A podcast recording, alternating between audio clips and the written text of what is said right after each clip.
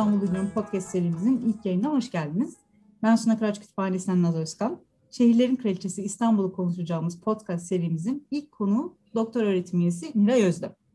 E, lisans eğitimini ODTÜ Mimarlık Fakültesi'ne tamamladıktan sonra e, University of e, San Francisco'dan ve Yıldız Teknik Üniversitesi'nden yüksek lisans dereceleri alan Nilay Özlü, Boğaziçi Üniversitesi'nde doktora çalışmasını tamamladıktan sonra Altınbaş Üniversitesi'nde mimarlık bölümünde çalışmaya başladı. 2019 e, Ekim ayında Barakat doktora sonrası bursiyeri olarak akademik çalışmalarına devam etti. Şu anda Oxford İslam Araştırmaları Merkezi'nde e, misafir bursiyer olarak e, çalışmalarına devam ediyor. Nilay ile bugün konuşacağımız konu ise 19. yüzyılda Topkapı Sarayı'nın sergileme pratikleri. Hoş geldin Nilay. Merhaba, hoş bulduk. Davetimizi kabul edip Londra'dan bize destek verdiğin için çok teşekkür ediyorum öncelikle. Naz asıl ben teşekkür ederim beni davet ettiğin için. Her zaman bir keyif seninle sohbet etmek. Ben de çok mutluyum gerçekten. Sesini duymak çok iyi geldi. Ee, İstanbul kent tarihi, Osmanlı modernleşmesi, müze çalışmaları, mimarlık tarihi, kuram konularında çalışıyorsun. Bu konuda yayınlarım var. Birçok yayını da ben okudum. Ee, güzel çalışmaların var. Ee, takip, Teşekkür takip, ederim. yani sıkı takipçilerindenim diyebilirim. Ee, ama bugün bizlere 19. yüzyılda konut işlevini yitirmiş Osmanlı Hanedanı'nın e, Boğaz içinde inşa edilen yeni ve gösterişli saraylar uğruna terk ettiği Topkapı Sarayı'nın sergileme pratiklerini anlatacaksın. 19. yüzyılda nasıl bir Topkapı Sarayı var bizim karşımızda? Nasıl tasvir edebilirsin?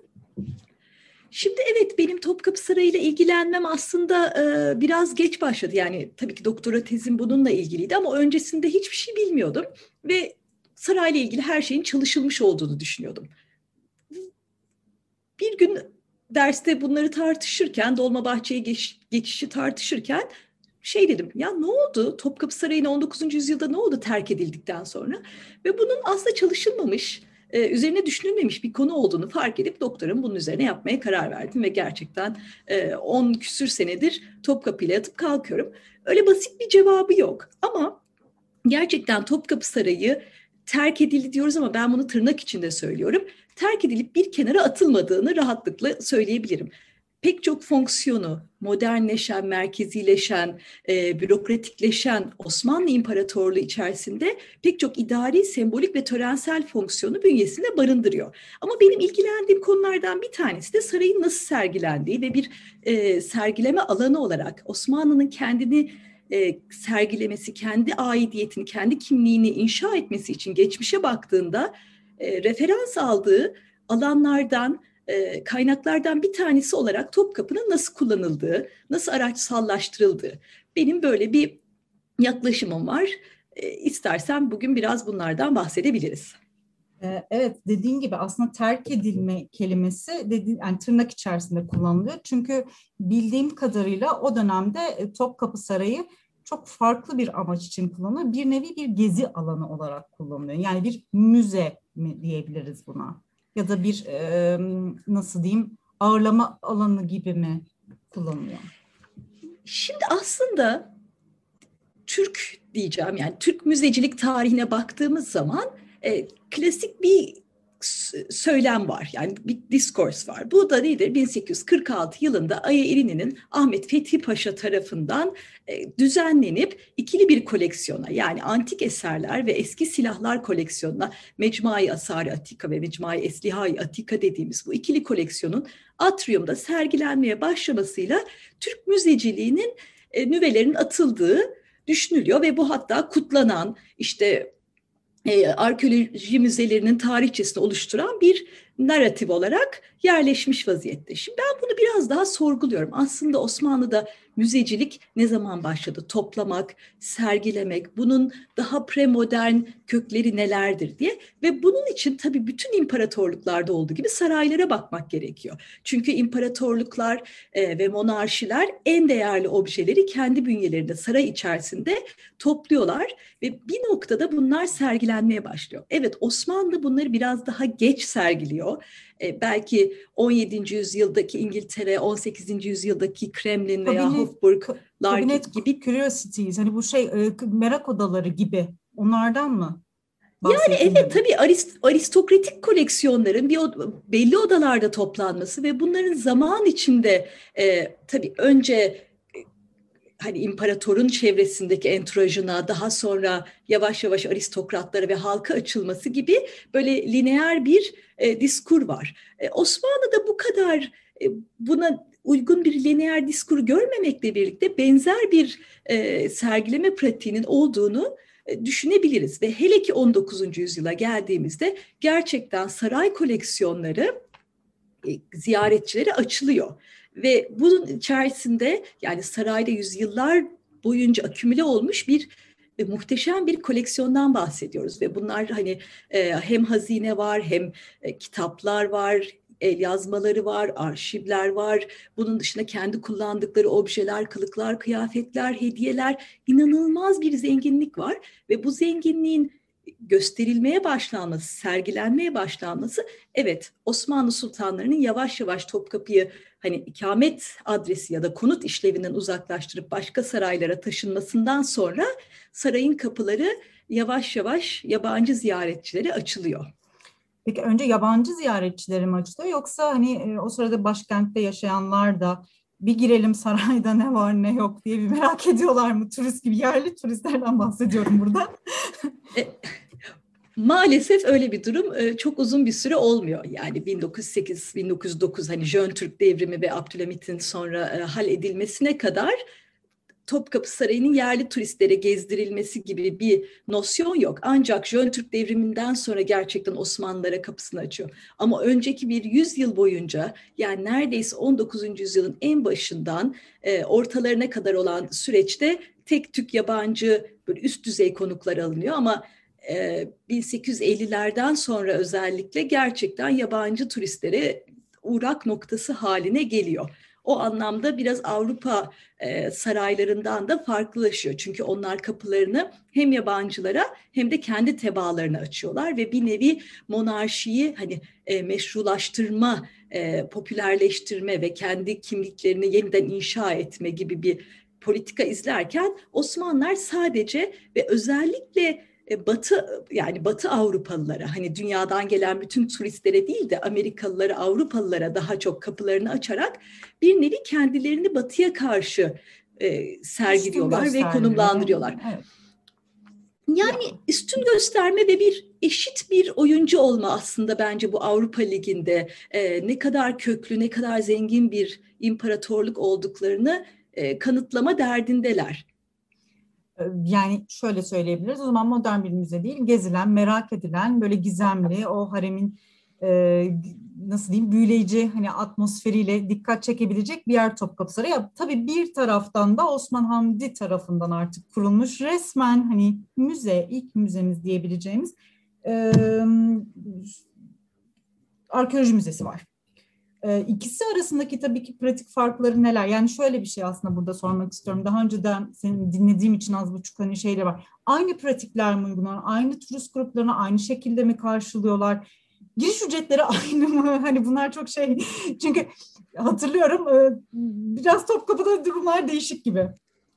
Evet şimdi aslında Suru Sultani dediğimiz bu hani müthiş e, imparatorluk kompleksi bu 700 bin metrekarelik kompleksin içerisinde çok fazla modern döneme ait yapı da var. Bunlardan bir tanesi de arkeoloji müzesi. Çok kısaca belki tarihinden bahsedeyim. Çünkü Osman Hamdi tarafından kurulmuyor. Yani biraz hani e, onu e, kurumsallaştıran ve dünya evet. çapında müze, müze haline getiren kişi Osman Hamdi ama hı hı. işte ilk nüveleri dediğim gibi Abdülmecit döneminde e, bu Ayerini'deki koleksiyonun kurulmasıyla 1846'da e, atılıyor. Daha sonra Abdülaziz döneminde e, Abdülaziz'in hatta Avrupa'ya gidip dönmesinden sonra e, müze ismini alıyor. Yani müzeyi Hümayun deniliyor ve ilk kez bir müze kavrayışı hani ka, e, at, atfediliyor. Yani müze e, sözcüğü kullanılıyor.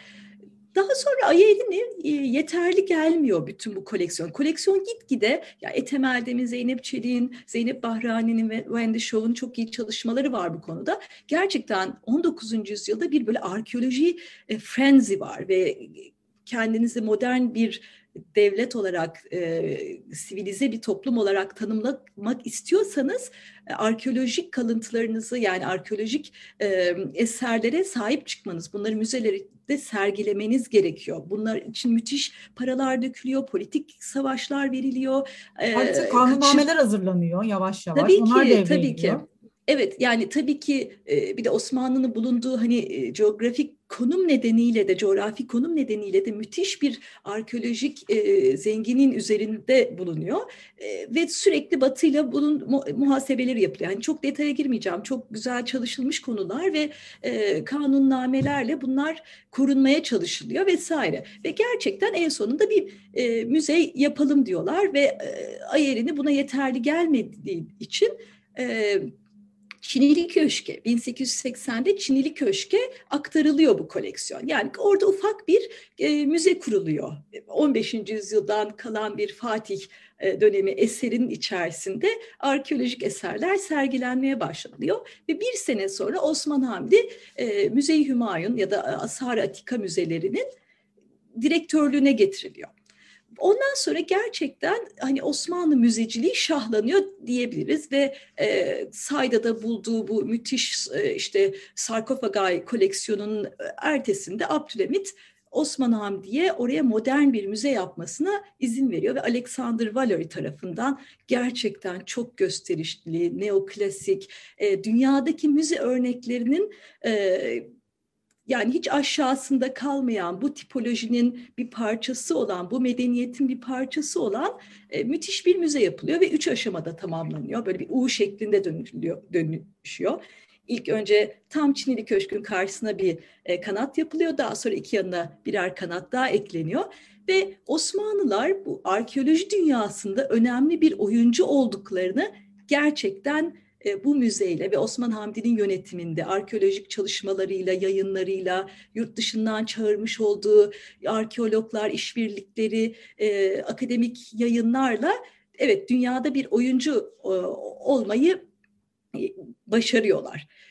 Ama e, gerçekten müzeye baktığımız zaman senin soruna uzun bir cevap oldu ama e, dünyadaki müzeler gibi yani nasıl girileceği, nasıl çıkılacağı e, belli işte koleksiyonlar çok güzel bir şekilde sergilenmiş. Büyük salonlarda belli bir mesafeden bakabiliyorsunuz. İyi bir ışıklandırma var.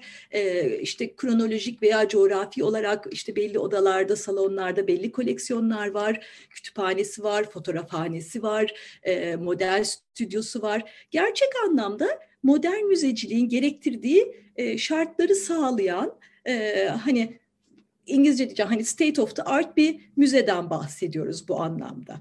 E, yalnız şu konuda çok fazla bilgimiz yok. Kimler ziyaret ediyordu? Nasıl ziyaret ediyorlardı? Ne kadar para veriyorlardı? O kısmı biraz daha muamma. Yani e, Ethem Eldem'in veya Zeynep Çelik'in e, iddiası şu ki yine Jön Türk devrimine kadar gerçekten çok fazla halka açık ve halka ziyareti teşvik edilen bir müze değil, daha ziyade kendi içine kapalı, sarayın böyle korunaklı duvarları arkasında kalan bir medeniyet adası. Çünkü ne var? Sanayi Nefise Mektebi de var. Yani orada bir akademi var müze var, e, işte Osman Hamdi ve çevresindekiler var, yabancı ziyaretçiler, e, akademisyenler, arkeologlar geliyorlar gidiyorlar. Sürekli Fransa'dan kitaplar geliyor, yazışıyorlar. Hani böyle bir e, kolaborasyon içinde o yani dünya network'i içerisinde bir e, hub gibi yani evet. bir ada gibi. Yani kültürel bir ortam da yaratılıyor orada. Evet. Birbirlerini besleyebilecekleri. Evet ama bu ne anlamda İstanbul kentine ya da kentlisine hitap ediyor? Onları eğitme hani bu Avrupa'daki müzelerin eğitim, eğitim misyonu. evet o, o ne derece var gerçekten tartışılır. Yani bu biraz daha yine uluslararası bir prestij projesi olduğunu düşünebiliriz bence bu dönemde. Yani bu müze dediğin gibi saray kompleksinin hani içinde aslında bir nevi e, halka hani aslında müzeler evet halk yani şöyle söyleyeyim insanlar için yapılmış eser, e, binalar yerler ama bu e, biraz nasıl diyeyim kişisel böyle daha e, küçük bir e, zümreye hani sanki hitap eden ilk aşamada böyle. Fakat dediğin gibi daha sonra hani bu müzeler insanlar açılmaya başlıyorlar. Eğitim amaçlı oluyorlar. Kütüphanelerini herkes kullanabiliyor. Tıpkı bugünkü arkeoloji müzesinin kütüphanesi gibi. Birçok insan artık birçok araştırmacı orayı kullanabiliyor. E, fakat e, bahsettiğim gibi Topkapı bu şekilde bir müze olarak geçmiyor. Orası gezilen bir yer. Peki ne diye geçiyor rehberlerde hiç baktın mı? Yani yani Topkapı Sarayı işte padişahların yaşadığı büyüleyici bir mekan mı yoksa gezilmesi gereken tarihi bir mekan mı? Nasıl tanımlanıyor o anlamda? Rehberlerde en azından gezi rehberlerinde bu gelen yabancıların seyahatnamelerine hiç bakma şansın oldu mu? Tabii en büyük kaynaklarımdan bir tanesi zaten bu rehberler ve seyahatnameler. Yani böyle 100-150 tane rehberi taradım ve gerçekten hemen hemen hepsinde o döneme ait e, rehberlerde veya seyahatnamelerde bir saray gezisi var. Dolayısıyla hani gidilmesi gereken, çek edilmesi gereken noktalardan bir tanesi.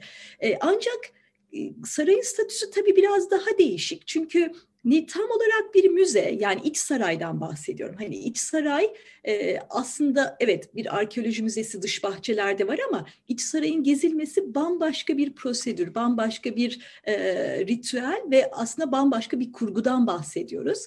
Burada e, gezmek gerçekten e, çok çok da kolay değil. Yani elinizi kolunuzu sallayarak girebildiğiniz bir yer e, değil Topkapı Sarayı. Bence bunu da biraz bilerek yapıyorlar Osmanlılar. Yani o hani zor girilen, büyülü, e, mistik, yani biraz eksklusif olma meselesini bence bilerek devam ettiriyorlar ve e, bunun protokolünü de hani izin aldım girdim gibi değil de e, bir 19. yüzyıl, yüzyıl seyyahı İstanbul'a geldiği zaman gerçekten sultandan birebir bir irade aldığını düşünerek saraya giriyor. Yani elinde böyle bir irade, bir ferman var ve ben bununla ancak çok ayrıcalıklı bir kişi olduğunu düşünüyor. Bu hissiyatı bence bilerek yaratıyorlar ve bütün saray gezisi aslında bu mizansenler, kurgular, işte sarayın ne kadar özel bir yer olduğu düşüncesi üzerine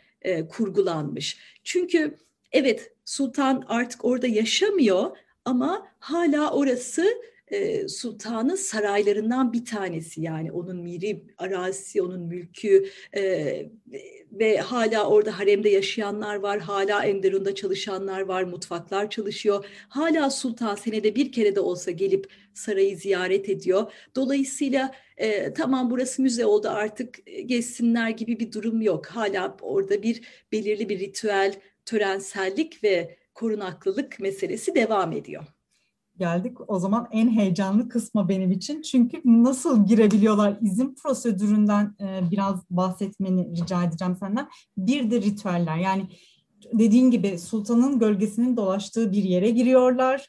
E, çok hani özel bir yer. E, zaten e, sultanın imgesi Avrupa'da e, çok hani e, hem saygı duyulan hem korkulan ama artık 19. yüzyıldayız. Çok da sanki böyle etkisi de yavaş yavaş kalmamış bir sultan e, ismi dolaşıyor ortada.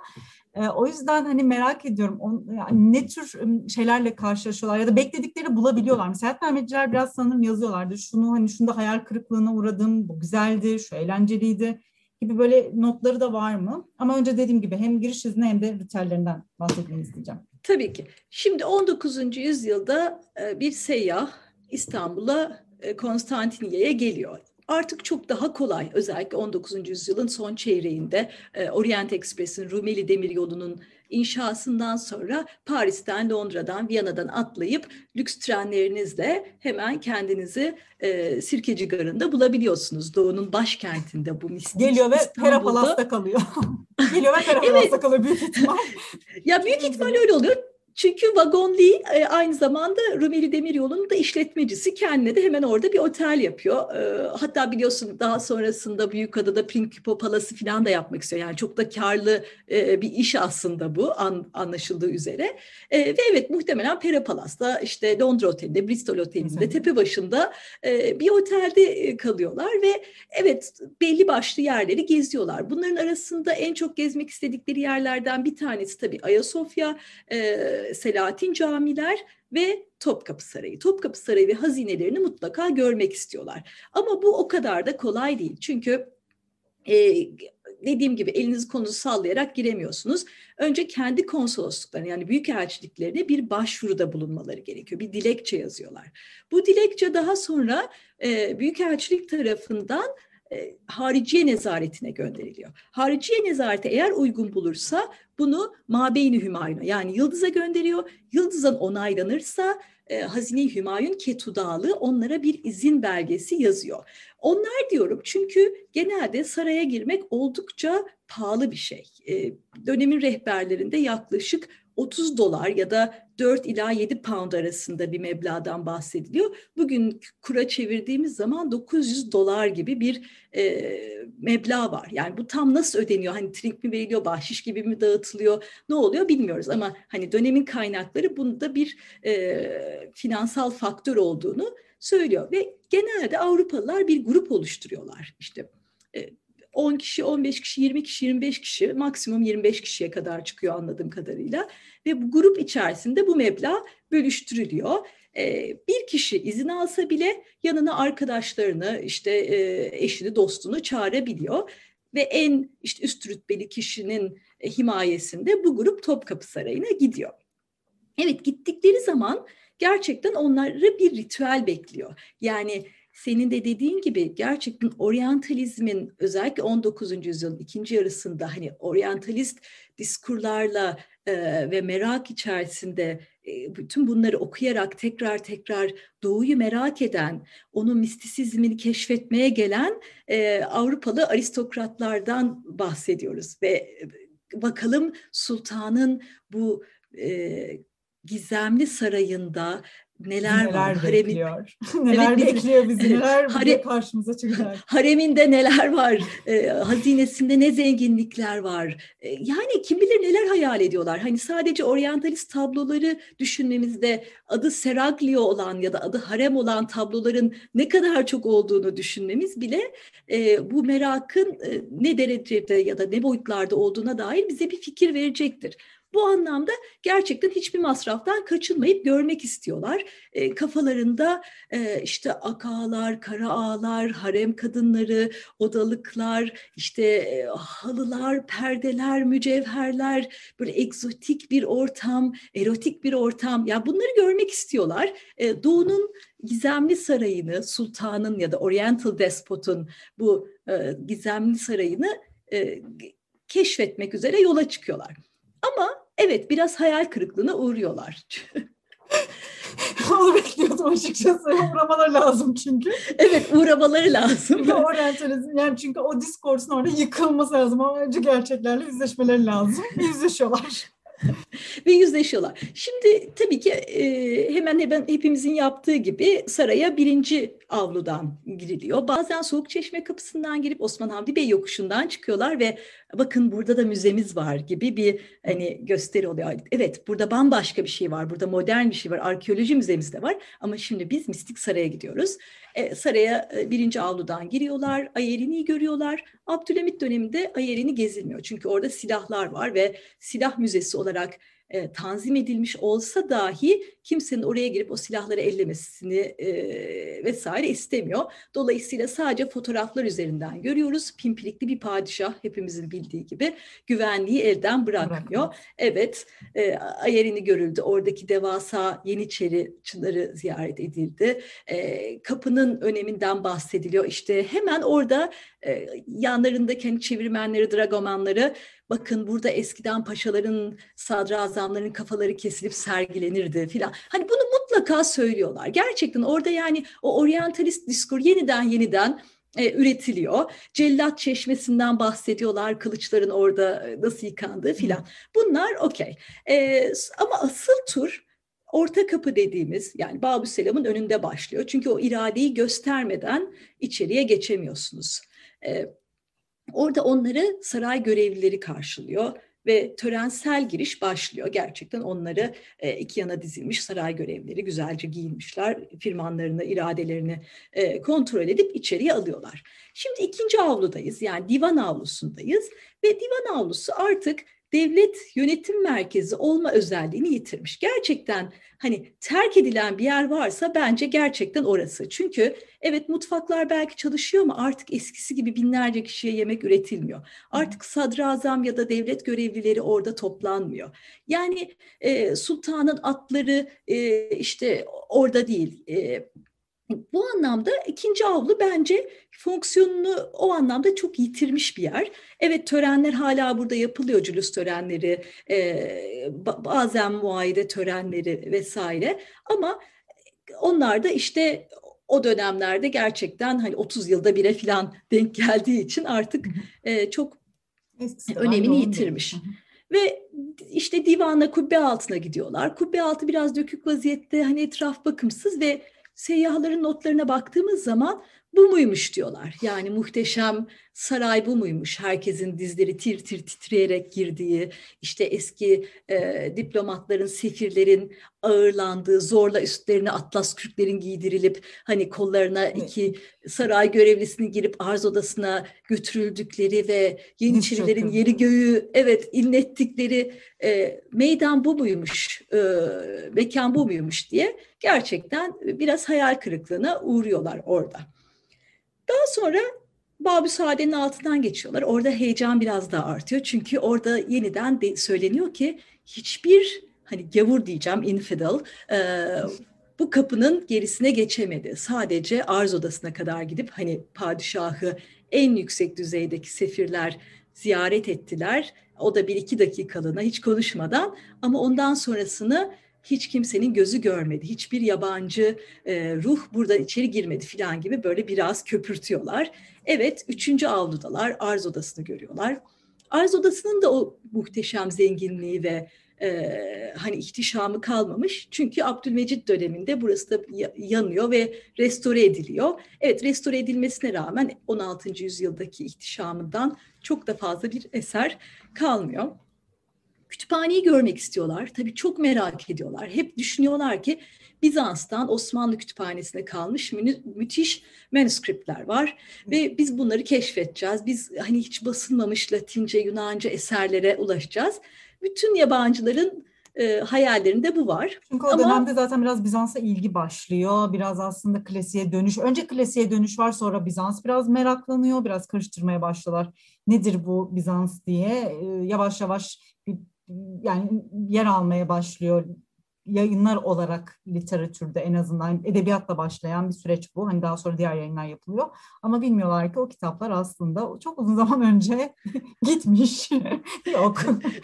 evet, o kitapları e, hatta ben arşivlerde çalışırken e, birçok e, Avrupalı bilim adamının kütüphaneyi de çalışmak, incelemek istediğine dair izin yazıları görüyorum ve onlara da izin veriliyor. Gelsin, baksın işte belli yerlerde belli kitapları, e, manuskriptleri incelemesine izin veriliyor. Öyle çok da 19. yüzyılda e, esirgemiyorlar bunu ama çok da herhalde aradıklarını bulamıyorlar. Velhasıl evet kütüphaneyi de görüyorlar. Şöyle hızlıca bir geziyorlar. E, kitapları turist gruplarının en azından incelemesine çok izin verilmiyor. Ve Enderun Mektebi dediğimiz işte Enderun avlusunun öneminden, içi olanlarından bahsediliyor. Orada bir hayat devam ediyor ama o aradıkları ihtişama dair bir iz yok. Yine bir modernleşmiş, işte kıyafet reformu geçirmiş 19. yüzyıl e, saray görevlileri yani öyle aradığınız akalar, kara ağlar, e, işte palalı yeniçeriler e, vesaire içi olanları etrafta e, yok. Tamam Buradan madem etkilenmediler onları etkileyecek bir yere götürüyorlar. Evet hareme sokmuyorlar. Çünkü haremde e, eski padişahların eşleri ya da aileleri yaşamaya devam ediyor. Bir nevi eski saray görevini görüyor Topkapı Sarayı o dönemde. Ama saray, e, haremin uzantısı olan ve çok prestijli olan e, bu mermer sofaya yani Bağdat Köşkü, Revan Köşkü, Sünnet Köşkü'nün olduğu ve mermer havuzun olduğu bölüme çıkarıyorlar. Paha biçilmez çinilerle e, döşenmiş gerçekten çok özel bir nokta burası. Manzarasıyla, konumuyla e, işte 16. 17. yüzyıldan kalan köşkleri ve e, dekoratif eserleriyle orada bir anda şeyi görüyoruz. Yani üçüncü avludan bugün dördüncü avlu dediğimiz bölüme çıktıkları zaman e, fikirlerinin değişmekte olduğunu görebiliyoruz. Çünkü aslında orada şehri görüyorlar. Yani biraz şehirle yüzleşiyorlar benim anladığım kadarıyla. Ee, yani manzara zaten onları dediğim gibi etkiliyor. Evet hem hem kente o öyle bir açıdan bakmak hem gerçekten padişahlara has bir alanda olmak ve çok fazla da modernleşmemiş, e, modernizmden payını almamış bir bölgeden bahsediyoruz. E, mesela Bağdat Köşkü'nü geziyorlar.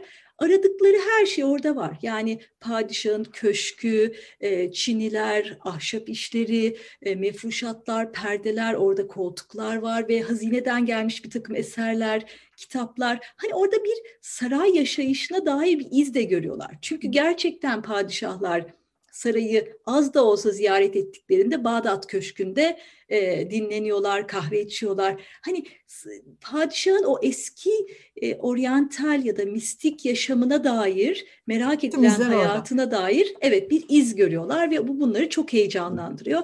Gerçekten diyorlar ki doğunun işte büyüsünü burada keşfettik gibi e, izlenimleri değişiyor. Yani verdikleri paranın hakkını alıyorlar oraya geldikten sonra. Şimdi... Oh, gördük sonunda görmek istediğimizi diyerekten orada bence e, şey bitiyor yani onlar için. Evet orada gerçekten yükseliyorlar diyebiliriz. Yükseliyorlar. Ee, ama tur burada bitmiyor. Aslında onların görmek istedikleri yer hazine. Çünkü Avrupa'daki sarayların da genelde hazineleri, silah ve e, bu regalia koleksiyonları gezdiriliyor. Onu görmek istiyorlar. Yani doğunun zenginlikleri, sultanın mücevherlerini e, görmek istiyorlar. Ama ondan önce tabii Osmanlılar işi birazcık uzatıyorlar. Her şeyi olduğu gibi böyle ağla, ağdalandırmayı sevdikleri abartalım, için. Abartalım, abartalım, abartalım. Biraz daha abartalım. bir de misafir misafirperverlik girsin içine deyip e, diyorlar ki Hazine-i Hümayun Ketudası şu anda hazır değil. Sizi e, bir bahçe köşkünde ağırlayalım ve onları Mecidiye Köşkü'ne götürüyorlar.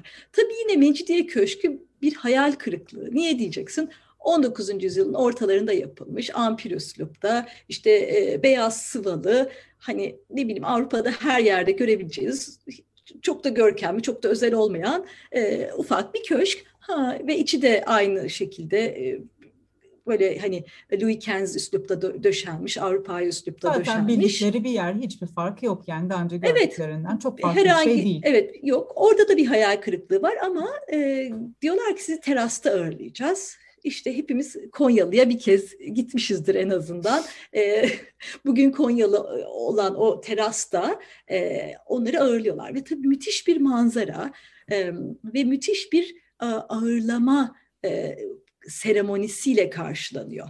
Yani özel olarak giydirilmiş kahveciler var, e, saray hademeleri var. Böyle inanılmaz değerli brokardan üzerlerine şallar, örtüler koyuyorlar. Altın tepsiler içerisinde e, altın e, zarflar, elmas kakmalı altın zarflar içerisinde Türk kahveleri onlara sunuluyor.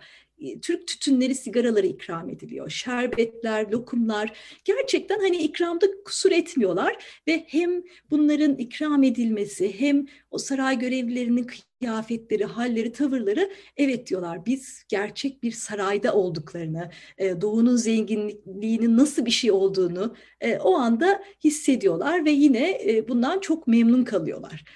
Biraz tabii şey de var, biraz hani böyle sarkastik yorumlara da rastladım. İşte fincanları geri alırken, geri toplarken mesela e, kahveci geri sayıyor. İşte beş kişiye fincan e, kahve ikram edildiyse beş tanesinin geri gelmesi gerekiyor. E, çok haklılar çünkü gerçekten Hazine-i Hümayun'dan gelen çok özel işte üzerlerinde e, Barnett Miller'dı zannedersem saymış 40 tane elmas olan bir e, zarftan bahsediyoruz. Yani, yani her biri bir bir mücevher. Ya. Evet ve bu gelen insanlar da yani o kadar da e, aristokratik tipler e, değiller. E, bazen kalabalık gruplar halinde geliyorlar ve kendilerini sarayın e, konuğu gibi hissediyorlar. Yani bu aslında bir mizansen, e, bir kurgu e, ve batıya kendini göstermenin e, bir bir parçası aslında bir performans yani bir nevi. Tabii yani ki, kurgu tabii ki. hazırlanmış e, bayağı hani bizim e, iz performans dediğimiz direkt böyle e, yazılmış, çizilmiş bir tiyatro metni gibi oynadıkları bir oyun aslında. Kesinlikle. Abdülhamit bu konuda çok başarılı zaten. Evet, e, farklı izleyicilere farklı performanslar e, vermeyi, e, göstermeyi biliyor. Ve evet bu Mecidiye Köşkü'nde veya Topkapı Sarayı'nda yapılan bütün bu gezinin de bir performans olduğunu, sarayın da bunun sahnesi olduğunu düşünüyorum ben de. Aynen senin gibi. E, hazine odasını e, giriyorlar ve sanırım orada bitiyor tur değil mi? Yani orasıyla e, beraber bitiyor. Evet genelde bu şekilde ilerliyor tur. Bazen önce hazineyi gezip sonra Mecidiye Köşkü'ne gittikleri de oluyor. Yani ya da o şekilde yazılmış olduğunu da gördüm ama e, hazineyle sonlandırmayı tercih ediyorlar anladığım kadarıyla. Zirvede Çünkü, bırakıyorlar. Zirvede bırakıyorlar aynen en çok merak edilen e, yer. Şimdi burada tekrar başa döneceğim. Hani Osman Hamdi'nin modern arkeoloji müzesi karşısında Hazine-i Hümayun yani Müze-i Hümayun'un karşısında Hazine-i Hümayun'un nasıl gezdirildiğini e, biraz anlatayım. Grup Mecidiye Köşkü'nden çıkıyor. E, işte o tüneli tünelden geçerek üçüncü avluya tekrar giriyor. E, hazine revaklarında bekliyorlar ve Hazine-i Hümayun Ketudası grubuyla birlikte saray hademeleriyle birlikte içeriye giriyor. E, revakların kenarlarına bütün e, saray ağaları, saray görevlileri diziliyorlar. Sağlı sollu olarak el pençe divan duruyorlar ve yine bir mizansen e, Hazine-i Hümayun Ketudası elindeki işte anahtar kesesini alıyor. E, dualarla kapıya gidiyor ve mührü kırıyor. Bu sanki oraya gelen insanlar için ilk defa yapılmışçasına böyle çok egzotik bir olaymış gibi geliyor. Halbuki gerçekten haftada iki kez rutin tekrarlanan, bazen günde iki kere tekrarlanan bir performanstan, bir turistik aktiviteden bahsediyoruz. Ee, bir yandan turistik aktivite diyorum ama gerçekten o şekilde açıyorlar. Ee, hani hazinenin kapısı gerçekten her seferinde mühürleniyor, her seferinde açılıyor, bunun raporu tutuluyor, gönderiliyor ve e, turistler evet içeriye giriyorlar. Zaten kalabalık bir grup. Bir o kadar da saray görevlisi var. Hazinenin e, odalarını bilirsiniz. Birbiri içerisinden geçilen, çok da büyük olmayan mekanlardan bahsediyoruz. Ve içerisi tıklım tıkış eşya dolu. Evet, camlı dolapların içerisinde sergileniyor bunlar. Ee, yani bir sergileme pratiğinden bahsediyoruz o anlamda. Hani sandıkların içerisinde ya da yerlerde öyle bohçaların içerisinde falan değil. Ee, camlı dolaplar ve onun içerisine çok özenle yerleştirilmiş binlerce eşyadan bahsediyoruz. Yani e, hazinenin üç odasında 4800 kadar objenin sergilendiğini e, hazine defterlerinden biliyoruz. Ve girdikleri zaman tabii paralize oluyorlar. Yani vakit yok, ışık yok, çok kalabalık, çok yoğun bir e, taksonomi yok, bir e, hani bir düzen yok. E, objeler e, ne coğrafi hani e, orijinlerine göre, ne kronolojik olarak, ne e, e hani fonksiyonlarına göre çok da ayrılmış vaziyette değiller. Evet silahlar yan yana duruyor, saatler var, arkasında çini objeler, e, işte arkasında mücevherler, bir tane beşik üzerinde başka bir şey, e, işte e, tesbihler, hançerler, e, kaplar, kaçaklar her şey bir arada e, ve orada yaratılan aslında hani akümüle zenginlik yani böyle bir her şeyimiz hazine. var. Çok şükür evet. her şey sahibiz. Biraz zihniyet galiba bir yandan öyleler. Gerçekten her şeye sahipler. Yani değerli objeler de var, çok değersiz objeler de var. Yani böyle işte sikkeler var, e, ne bileyim deri botlardan kürklere, e, hani haritalardan silsilenamelere, tablolardan, e, işte vazolara, ibriklere, fincanlara, her şey, tabii sultanların kullandığı her şey orada e, bulunuyor.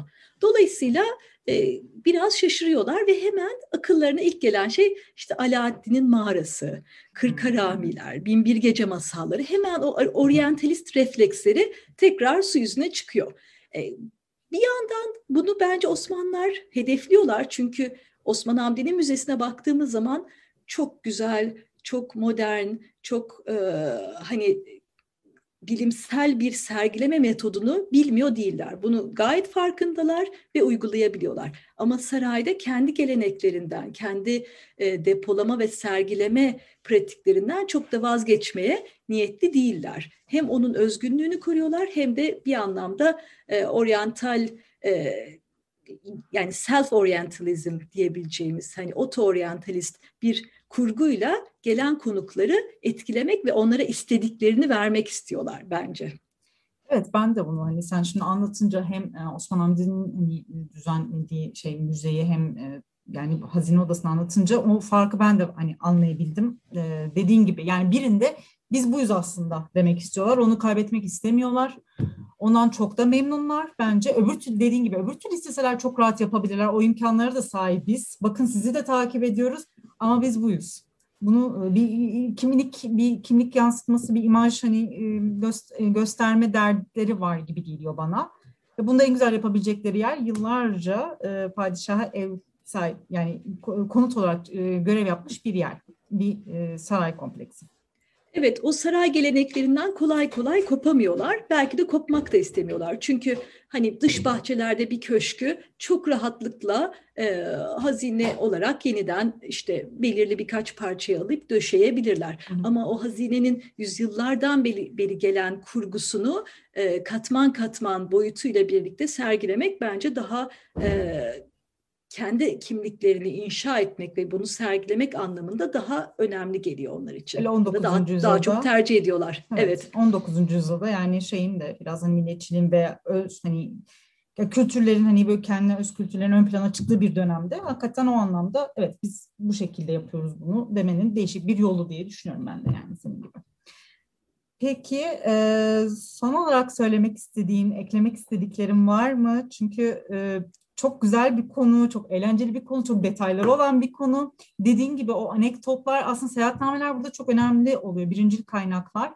Ee, bize çok e, insanların hani e, gözlemlerini aktarmaları açısından, gördüklerini aktarması açısından ve o dönemin sesi olmaları açısından e, çok önemli kaynaklar bence seyahatnameler. E, sen de kullanmışsın. E, çok hakikaten şey hoşuma gitti açıkçası. E, çok Evet, çok keyifle okuyorum e, seyahatnameleri. Gerçekten 19. yüzyıl hani e, anlayışına, e, bakışına dair çok önemli anekdotlar görüyorum. Doğu yani Doğu'yu nasıl görüyorlar? E, düşündüğümüz kadar oryantalistler mi? Osmanlı kendini nasıl sergiliyor? İstanbul nasıl bir yerdi? E, hani gerçekten keşke Osmanlı sesini de biraz daha doyabilsek. Yani benim e, belki de araştırmamdaki en zayıf nokta bu oldu. Yani Osmanlılar içinde sonuçta sarayın içerisinde birçok saray ademesi var, yaşanıyor. E, orada bir hayat devam ediyor ama biz sadece bunu genelde Osmanlı belgelerinden görüyoruz. Yabancı gazetelerde The Times'da işte Figaro'da orada burada bir sürü sarayla ilgili makaleler var. Gelen seyyahların notları var. E, seyahatnameleri işte rehber kitapları görüyoruz. Ama Osmanlı'nın sesi her zaman olduğu gibi e, şey perdesi devlet perdesinin arkasından yani sadece Osmanlı Devlet Arşivlerindeki belgeler üzerinden duyabiliyoruz. Belki bu benim araştırmamın eksikliği. İleride umarım telafi edebilirim ama çok fazla rastlamadığım için e, bu anlamda onun eksikliğini hissediyorum. Evet onların da gerçekten hani sesini bu ritüellere dair ve olan bitene Topkapı Sarayı'nı nasıl gördüklerine dair bir şey onlardan duymak çok güzel olurdu gerçekten. Sarayda müze oldu, tur gezdiriyorlar demelerini hakikaten isterdim. Öyle bir şey okumak evet, isterdim evet. yani ya da şu yorumlarını. Saray eski 20... saray değil artık değil böyle. Evet, 20. yüzyılın başında e, işte Jön Türk devriminden sonra İttihat ve Terakki döneminde bunu biraz biraz görmeye başlıyoruz. Hani o biraz beni tatmin ediyor. Bu turun benzerini e, hani Osmanlı tebaası içinde yapıyorlar.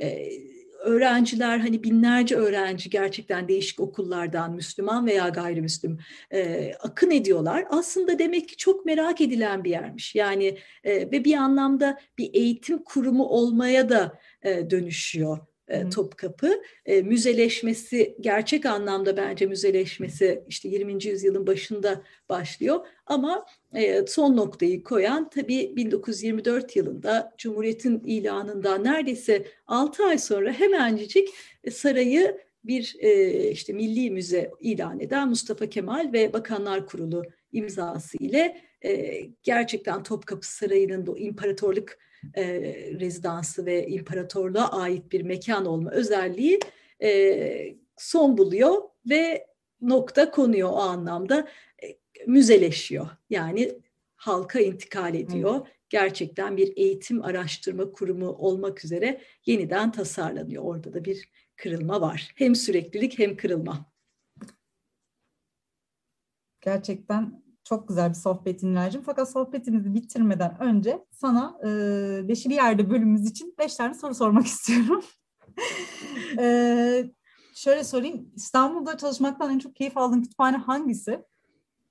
Hangi birini anlatsam diye başlayayım.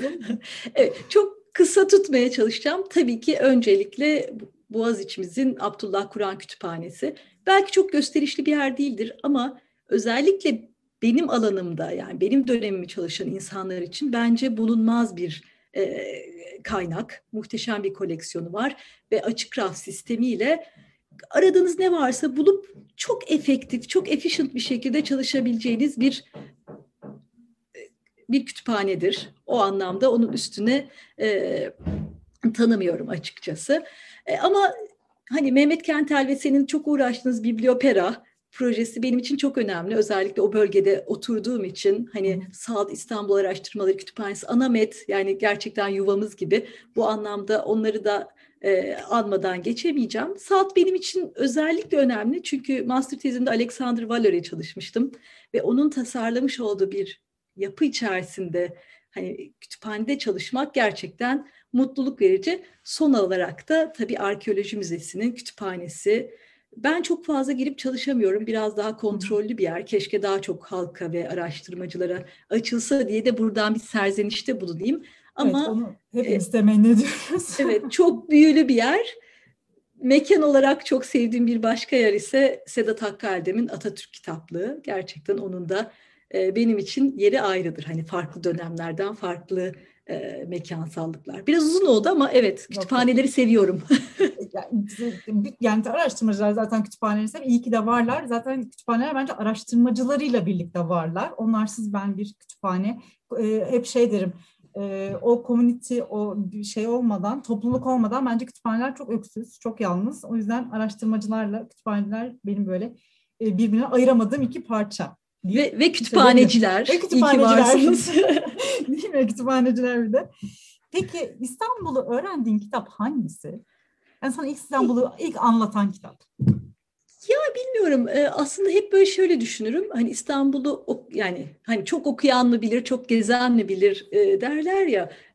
Gerçekten hani babam da sağ olsun bizi çok gezdirirdi. Biz Ankaralıyım ben. Dolayısıyla İstanbul'u hani çocukluğumdan biliyorum diyemem. Ama hani Mimar Sinan camileri gezisi, e, hadi bakalım işte İstanbul'a gidiyoruz, Beyoğlu'nu gezeceğiz gibi böyle hep, hani hep İstanbul'u böyle gezmek üzerine bir e, bir kurgumuz vardı.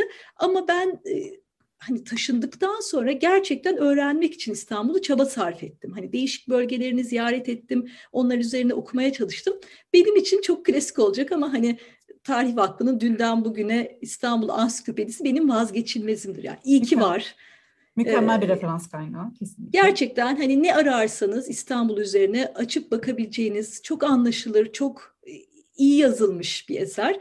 Bir de hani e, Günhan hocamı, Günhan danışman hocamı hiç anmadan geçemeyeceğim. Onun bana hediye ettiği mimarlar tarafından, mimarlar odası tarafından e, derlenmiş beş ciltlik bir İstanbul mimarlık rehberi vardı. Haritalar üzerinde e, hani noktalar, neyin ne olduğunu çok kısa hap bilgiler. Hani elinizde o haritayla gezerken gerçekten muhteşem bir tarih turu yapabilirsiniz. Hiçbir yapıyı atlamadan gerçekten hani diğer dünya şehirlerinde böyle bir rehbere her zaman rastlamıyorum. Çok özenli hazırlanmış bir eser. Güzel bir kitapmış. Hemen ben de karıştırıp bir yerlerden bulup hemen edinip karantinadan sonra bu şekilde gezmeyi düşünüyorum. Kesinlikle. Hemen kesinlikle. Da, yani elimde bir şeyler olsa daha güzel olur. Yoksa o evet, her evet. seferinde bakmak zor olur yani. Çünkü Başka önünden yerden. geçtiğiniz bir çeşme, bir cami, bir türbe hemen orada böyle haritada resmi ve kısa hap bilgisiyle birlikte e, gerçekten çok iyi hazırlanmış. Peki e, İstanbul'a dair mutlaka okunması gereken kitaplar sence neler? Kim, hangi kimleri önerirsin ben, dinleyicilerimiz için? Ben gerçekten Orhan Pamuk'un çok önemli bir kent yazarı olduğunu düşünüyorum ve İstanbul'u hani sadece anıtlarıyla değil, tarihi eserleriyle değil de katman katman insanlarıyla, sokaklarıyla, kültürüyle çok iyi e, hani tarif ettiğini düşünüyorum. Ben hatta bir sohbetimizde yani hani denk gelmiştik bir yerde ve sormuştum Orhan Bey siz ileride tarihçilerin açıp İstanbul üzerine gündelik hayat okumaları için mi yazıyorsunuz diye sormuştum. Gülmüştü. Olabilir neden olmasın diye. O anlamda e, gerçekten seviyorum. Yani sadece Hani İstanbul Hatıralar ve Şehir değil benim hani favori kitaplarımdan biri ama Cevdet Bey ve Oğulları, Kafamda Bir Tuhaflık, Masumiyet Müzesi özellikle benim için İstanbul'u böyle katmanlı, derinlikli olarak ele alan kitaplardan bazıları. Bir de bugün bahsettiğimiz gibi bu 19. yüzyıl seyyahlarının yazdığı eserleri çok seviyorum. Özellikle hani mesela Julia Pardo, e, Barnett Miller ya da Georgina Müller gibi e, kadın yazarların gözünden İstanbul'un hani anlatıldığı kitaplar bence çok çok hoş gerçekten. Gerçekten çok güzel. Çünkü kadınlar biraz daha detaycı bence. Daha ince noktaları görüyorlar. Daha güzel e, böyle inceden ince eleştirebiliyorlar. Bu yüzden evet. ben de kadın yazarların gerçekten çok daha keyifli yazdığını düşünüyorum şehri anlama konusunda. Orhan Pamuk konusuna gelince bence şöyle söyleyebiliriz. Şehir insanı okumanın en güzel yollarından biri kendisi bence kitapları. Ben o şekilde düşünüyorum. Katılıyorum. Peki İstanbul'u sana hatırlatan e, yiyecekler, içecekler, gastronomiden biraz gidelim nelerdir? Valla tek bir yemekten bahsetmeyeceğim. E, zaten uzun süredir e, İngiltere'deyim ve Covid nedeniyle de çok gidip gelemedim. O yüzden hani çok e, özlemiş vaziyetteyim gerçi. E, hani tadı damağımda ama İstanbul deyince aklıma Boğaz'a nazır bir rakı masası geliyor. Tek tek yemekleri sayamayacağım ama bir balık rakı sofrasına mezeleriyle birlikte hiç hayır demem. gerçekten başka yerde de çok bir anlam kazanmıyor. Rakı balık en çok İstanbul'a yakışıyor. Ben de öyle düşünüyorum. Son olarak İstanbul'un sence hangi dönemi de yaşamak ister? Hangi dönemi sana büyük keyif veriyor? Biraz time travel yapalım burada. evet, zor bir soru. Çünkü aslında yani İstanbul hem zor hem çok fırtınalı bir yer. Yani hep böyle travmalar yaşanmış gibi. Hani böyle bir altın çağı var mı desen e, bilemiyorum. Tabii kendi çalıştığım dönem olduğu için 19. yüzyıl özellikle bu tanzimat döneminin hani böyle çok heyecan verici, çok devinimli olduğunu e, düşünüyorum. Hani e, gerçek anlamda global bir kent yani kozmopolit bir kent. Bazen okuyoruz işte İtalya'dan kalkmış, e, İzmir'e gelmiş Simirne'ye, oradan İstanbul'da ve orada işte sarayın e, şekerlemecisi başı oluyor. Valori ailesinden bahsediyorum falan. Hani böyle tek tek hikayelere baktığımız zaman işte Adana'da sinemalar kuruluyor, Konya'da başka bir şey oluyor, Trabzon ya gerçek anlamda gelişmenin ve böyle dinamizmin yaşandı ama aynı zamanda da bütün bu hani tensionların, çekişmelerin, gerginliklerin de olduğu özel bir dönem. Ama time travel yapacak olsam hani gerçekten İstanbul'un Latin istilasından önce Konstantiniye'yi görmeyi, deneyimlemeyi çok çok isterdim herhalde. Evet çünkü Latin istilasından sonra hiçbir şey kalmıyor. gidenlerin haddi hesabı yok. Artık nasıl evet. desek yani hipodrom eski görkemine kavuşuyor. Ne e, saray, büyük saray o eski ihtişamını koruyabiliyor. Gerçekten zor bir dönem. E, gerçekten güzel bir dönem olacak. Yani öncesi yani 1204'ten önceki dönem gerçekten keyifli olacağını ben de düşünüyorum. Doğu Roma'yı görmek isterdim gerçekten ihtişamıyla. Bence de böyle mor ipeklerle bir imparator görmek güzel olur evet, hipodromda el sallayanlardan biri olmak bile yeterli. Olur, evet. güzel oldu gerçekten. Peki Nilay, yayınımıza katıldığın için, sınırları yok saydığın için, sesini bizlere duyurduğun için sana çok teşekkür ediyorum. Dilerim başka projelerde tekrar bir araya geliriz. Seni dinlemek bana müthiş keyif veriyor son olarak seni de alalım. çok çok teşekkür ederim. Benim için de müthiş bir keyifti ve davet ettiğin için ayrıca Rica seninle sohbet etmek de hani yüzümde güller açtırdı. Çok sağ olun. Çok teşekkür ederim. Ee, sevgili dinleyicilerimiz, bugünkü konuğumuz Nilay Özlü'ydü. Kendisi de 19. yüzyılda Topkapı Sarayı'na gittik. Sergileme pratikleri, dönemin müzecilik anlayışı üzerine konuştuk. Sohbetimizi Spotify'da dinleyebilirsiniz. Ee, İstanbul'u dinlemeyi, İstanbul'a bakmayı, İstanbul'u okumayı unutmayın. Bir sonraki podcastimizde görüşmek dileğiyle. Hoşçakalın. Hoşçakalın.